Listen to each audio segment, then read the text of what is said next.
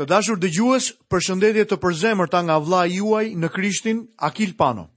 Jam shumë mirënjohës Perëndisë për faktin që së bashku sot do të studiojmë fjalën e Zotit të gjallë. Kemi studiuar në kapitullin e 4 të Ungjillit sipas Lukës në emisionin e kaluar dhe sot programin tonë do ta vazhdojmë po në këtë kapitull, pra në kapitullin e 4 të Ungjillit sipas Lukës, nga vargjet 16 e më poshtë. Tani kemi mbërritur në një nga ngjarjet më të bukura të regjistruara në fjalën e Zotit. Është një histori e shkëlqyer që shfaqet papritur në dritë. Ajo është e mirë edhe me kuptim. Ungjilltari Luka na e prezanton këtë histori në një mënyrë shumë të bukur. Lexojmë nga vargu 16 i kapitullit të 4 të Ungjillit sipas Lukës. Pastaj erdhi në Nazaret, ku ishte rritur, dhe si e kishte zakon ditën e shtunë, hyri në sinagogë dhe u ngrit për të lexuar. I dhanë në dorë librin e profetit Isaia. E hapi dhe gjeti vendin ku ishte shkruar, Fryma e Zotit është mbi mua, sepse ai më vajosi për të ungjillizuar të varfrit.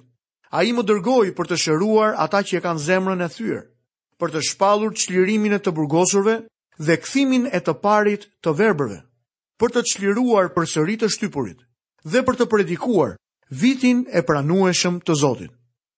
Pastaj si e mbylli librin dhe ia dha shërbyesit, u ul dhe sytë e të gjithëve në sinagogë u drejtuan mbi të. Atëherë ai nisi të thotë, sot ky shkrim u përmbush në veshët tuaja. Kjo ngjarje është regjistruar vetëm nga ungjilltari Luka dhe ne nuk mund ta anashkalojmë atë.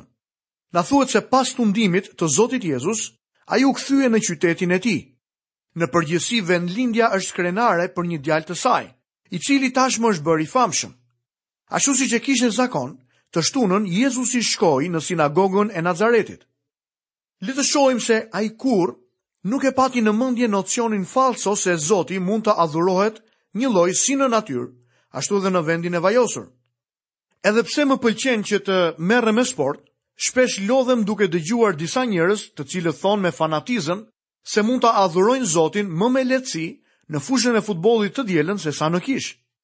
Çfarë thonë është e vërtetë, por unë gjithmonë i pyes.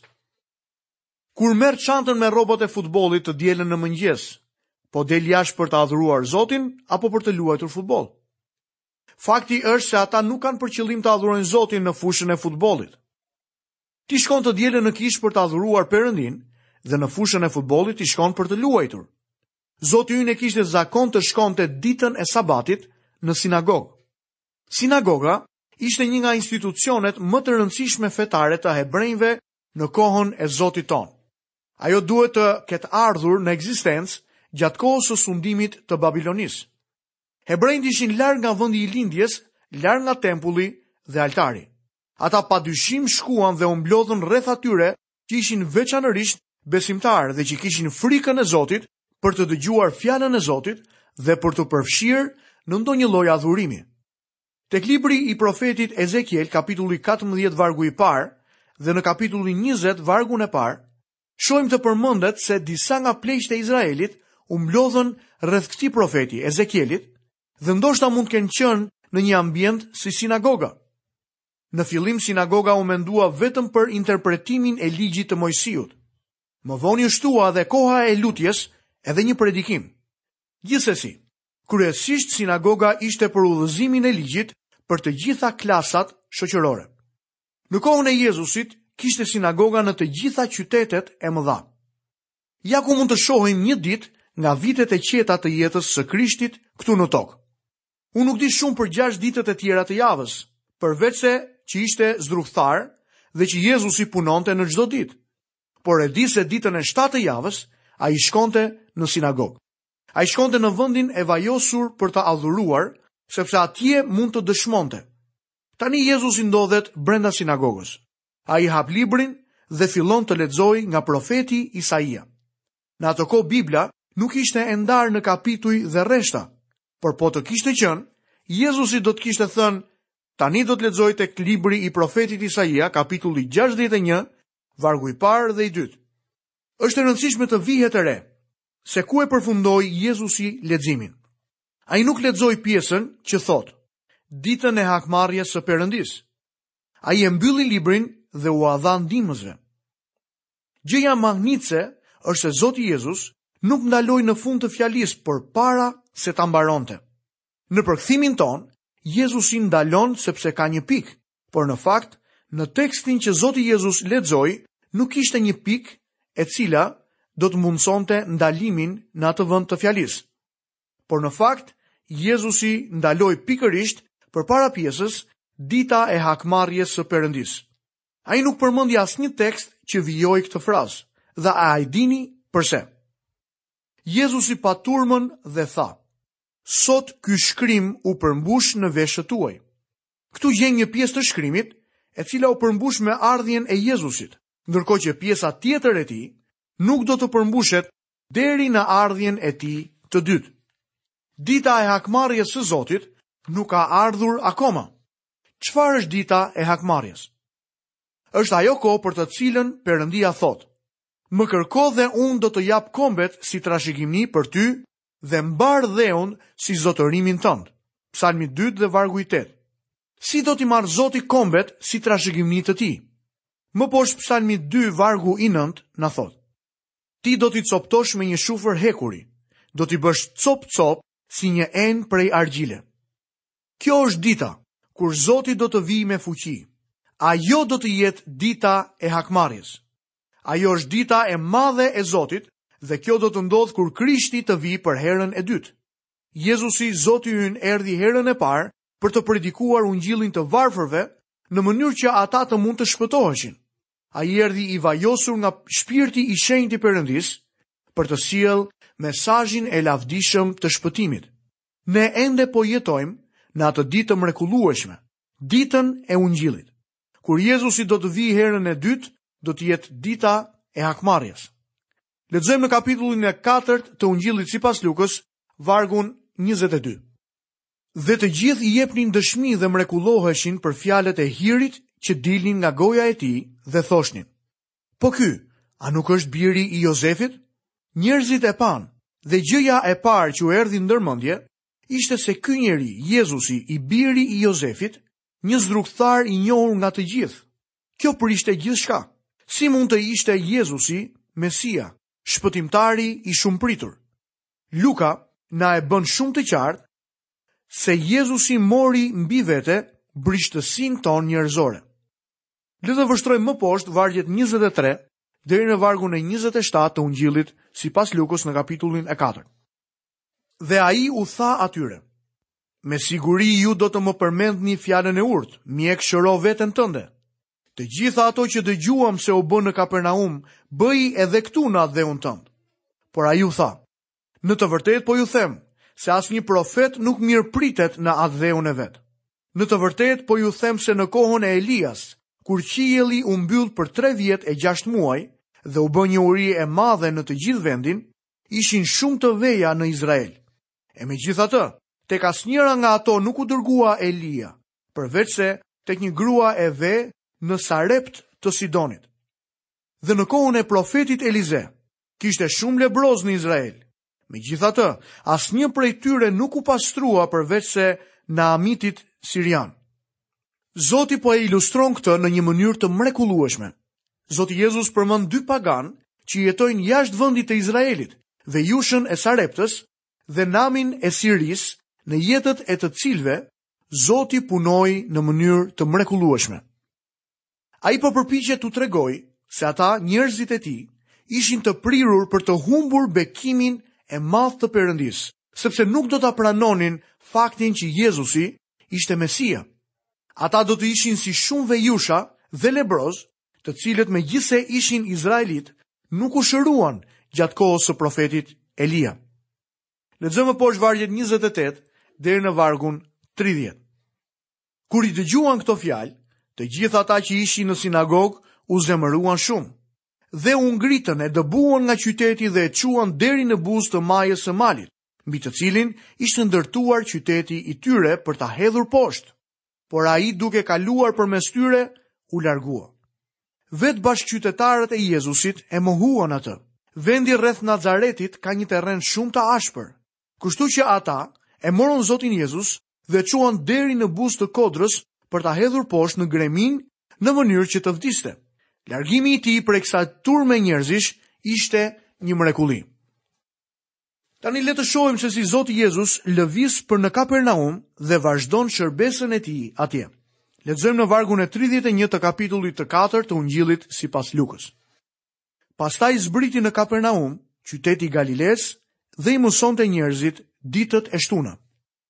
Duke filluar nga ky varg dhe deri në fund të kapitullit, ne kemi vetëm një ditë me Zotin Jezus. Shumë prej nesh do të kishin dëshiruar fort të kalonin një ditë me të, kur ai ishte në tokë. Luka e bën këtë gjë të mundur për ne. Të dy, Mateu dhe Marku, në Ungjijtë e tyre regjistrojnë faktin se Zoti Jezus lëvizi nga qyteti i tij Nazaret për në Kapernaum në detin e Galilesë. E bëri këtë sepse bashkëqytetarët e tij nuk donin ta pranonin. Erdhi një ditë kur ai u tha banorëve të Kapernaumit: "Dhe ti Kapernaum, që të kanë ngritur deri në qiell, do të poshtërohesh deri në ferr. Banorët e Kapernaumit, atyre iu dha një mundësi e papërsëritshme vetëm, sepse Jezusi jetonte aty. Drita krijon përgjegjësi. Lexojmë vargun e 32. Dhe ata habiteshin nga mësimi i tij, sepse fjala e tij ishte me autoritet. Ndërkohë që Zoti Jezus mësonte në sinagogë ditën e Sabatit, pra ditën e shtunë, nuk fliste si skrib apo farise, por si një person që kishte autoritetin e Perëndisë. Lexojmë vargun 33 deri në vargun 37. Në sinagogë ishte një njeri që ishte pushtuar me frymën e një demoni të ndyrë. Ai bërtiti me zë të lartë duke thënë, Ah, ç'ka mes nesh dhe teje, o Jezus Nazareas? A erdhe të na shkatërrosh? Unë e di se kush je ti, i shenjti i Perëndisë. Por Jezusi e qortoi duke thënë: Hesht dhe dil prej tij. Dhe demoni pasi e përplasi përpara tyre, doli prej tij pa i bërë asgjë të keqe. Atëherë të gjithë i pushtoi habia dhe i thoshnin njëri-tjetrit. Ç'fjalë është kjo vallë? Ai urdhëron me autoritet dhe pushtet frymërat e ndyra dhe ato dalin? Dhe fama e tij përhapej në çdo vend të krahinës përreth. Ne jemi duke jetuar në një ditë kur demonizimi ka ngritur kokën e tij të shëmtuar sërish dhe adhurimi i Satanit është një realitet. Demonët punonin dhe vepronin në kohën e Zotit Jezus, ashtu sikurse janë duke punuar edhe sot. Zoti Jezus dëboi një demon nga ky individ. Madje, edhe me konsiderimin e përdorimit të drogave, është e vështirë të shpjegosh disa veprime dhe krime të tmerrshme të kryera nga kriminelë të cilët janë të kontrolluar nga fuqitë e Satanit. Lexojmë vargun 38 deri në vargun 39. Mbasi doli nga sinagoga, Jezusi hyri në shtëpinë e Simonit. Vjerrën e Simonit e kishin zënë ethe të forta, dhe ata e lutën për të. Ai u përkul mbi të, qortoi ethet dhe ato e lëshuan, dhe ajo u ngrit menjëherë dhe filloi t'u shërbejë. Pasi u largua nga sinagoga, duket sikur Zoti Jezus shkoi në shtëpinë e Simon Pjetrit, ndoshta për drekë. Ndërkohë që ndodhej në shtëpinë e Pjetrit, ai shëroi nënën e gruas së Pjetrit. Vjerrën e Pjetrit pra, e cila kishte ethe të forta. Shkalla e sëmundjes përcaktohej duke thënë se një person kishte ethe të forta ose të pakta. Kjo me sa duket ka qenë një sëmundje mjaft serioze. Zoti ynë i qortoi ethet duke përdorur terminologjinë mjekësore të Lukës. Ethet ishin si një qen i egër që kishte këputur zinxhirin. Zoti ynë u mor me mëkate të tilla. Fjala e Zotit thotë se vjerra e Pjetrit u ngrit menjëherë dhe ajo u shërbeu atyre. Ishte diçka e mrekullueshme. I gjithë shërimi është hyjnor. Kjo është ajo çfarë po na tregon edhe Luka. Doktorët jo gjithmonë e pranojnë këtë fakt. Një doktor, anëtar i kishës time, një herë më tha: Unë dërgoj faturën, mbush recetën me ilaçe, por Perëndia është ai i cili bën shërimin. Unë nxjerr atë pjesë jashtë që cënon trupin, por Zoti është shëruesi. Çfarë dëshmie e madhe! Perëndia dhe jo individi kryen shërimin. Lexojmë nga vargu 40 deri në vargun 44. Kur perëndoi dielli, të gjithë ata që kishin të sëmurë me sëmundje të ndryshme i prunë tek ai, dhe ai i shëroi duke vënë duart mbi secilin prej tyre.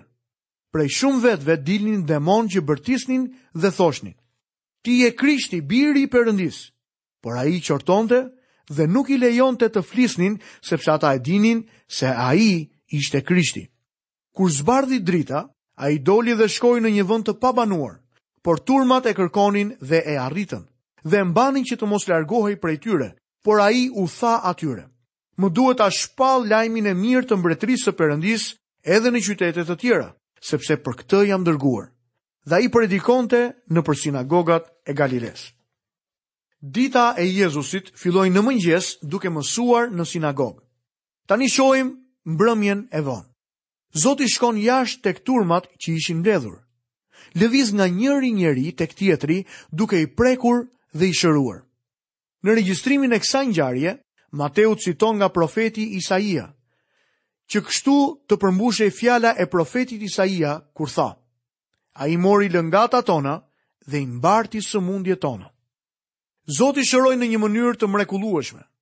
Megjithatë ai mbante sëmundjet tona dhe kishte marrë përsipër dhembjet tona, por ne e konsideronim të goditur, të rrahur nga Perëndia dhe të përulur, vijon profeti Isaia në vargun e tij të katërt në kapitullin e 53 të librit të tij.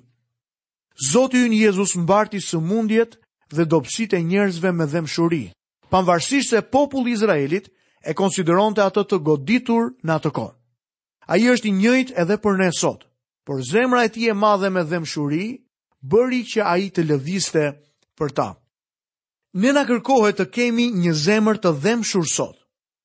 Tek libri i Galatasve në kapitullin e 6 dhe vargun e 2, apostulli Pal na thotë: Mbani barrët e njëri-tjetrit dhe kështu do të përmbushni ligjin e Krishtit. Të dashur dëgjues, këtu kemi përfunduar studimin tonë mbi kapitullin e 4 të Ungjillit sipas Lukës. Tani do të vazhdojmë menjëherë studimin tonë në kapitullin e 5 të këtij Ungjilli. Tema e kapitullit të 5 është Jezusi thërret dishepujt për herë të dytë. Jezusi pastron të lebrosurit. Jezusi shëron njeriun e paralizuar. Jezusi thërret Mateun, Jezusi jep shëmbëlltyrën e veshjes së re dhe të kacekëve të verës. Lexojmë në kapitullin e 5 të Ungjillit sipas Lukës, vargun e parë deri në vargun e tretë. Dhe ndodhi që Jezusi, kur po ndodhej në bregun e liqenit të Genezaretit, e ndërsa turma po shtyhej rreth tij për të dëgjuar fjalën e Perëndisë, pa dy barka të lidhura në breg të liqenit nga të cilat kishin dalë peshkatarët dhe po lanin rrjetat.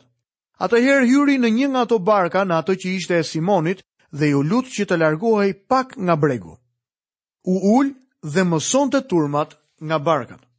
Liqeni i Genezaretit ishte deti i Galilesë për të cilin lexojmë në Bibël.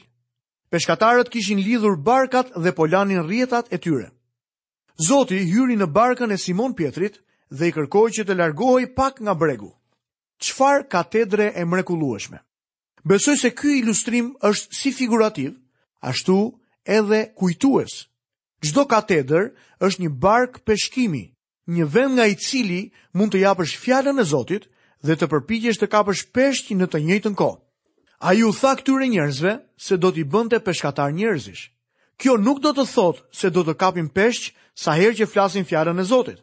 Dishepujt nuk e bënë këtë, por kjo do të thotë që personi në barkë nuk duhet të harrojë biznesin suprem apo detyrën supreme të jetës së tij, që është peshkimi i shpirtrave të njerëzve. Në programin e ardhshëm do të shohim vazhdimin e kapitullit të pestë, në qendër të të cilit do të jetë i vendosur njëri prej dishepujve të Jezusit, Pjetri. Jam i bindur se bindja e Pjetrit ndaj Perëndisë ka për të na thënë shumë gjëra të gjithëve. Të dashur dëgjues, këtu kemi mbërritur dhe në fundin e programit të sotëm. Nga unë vëllai juaj në Krishtin Akil Pano, Keni të gjitha bekimet e Perëndisë dhe paqen e Tij në jetën tuaj. Bashkë mirudëgjofshim në programin e ardhshëm.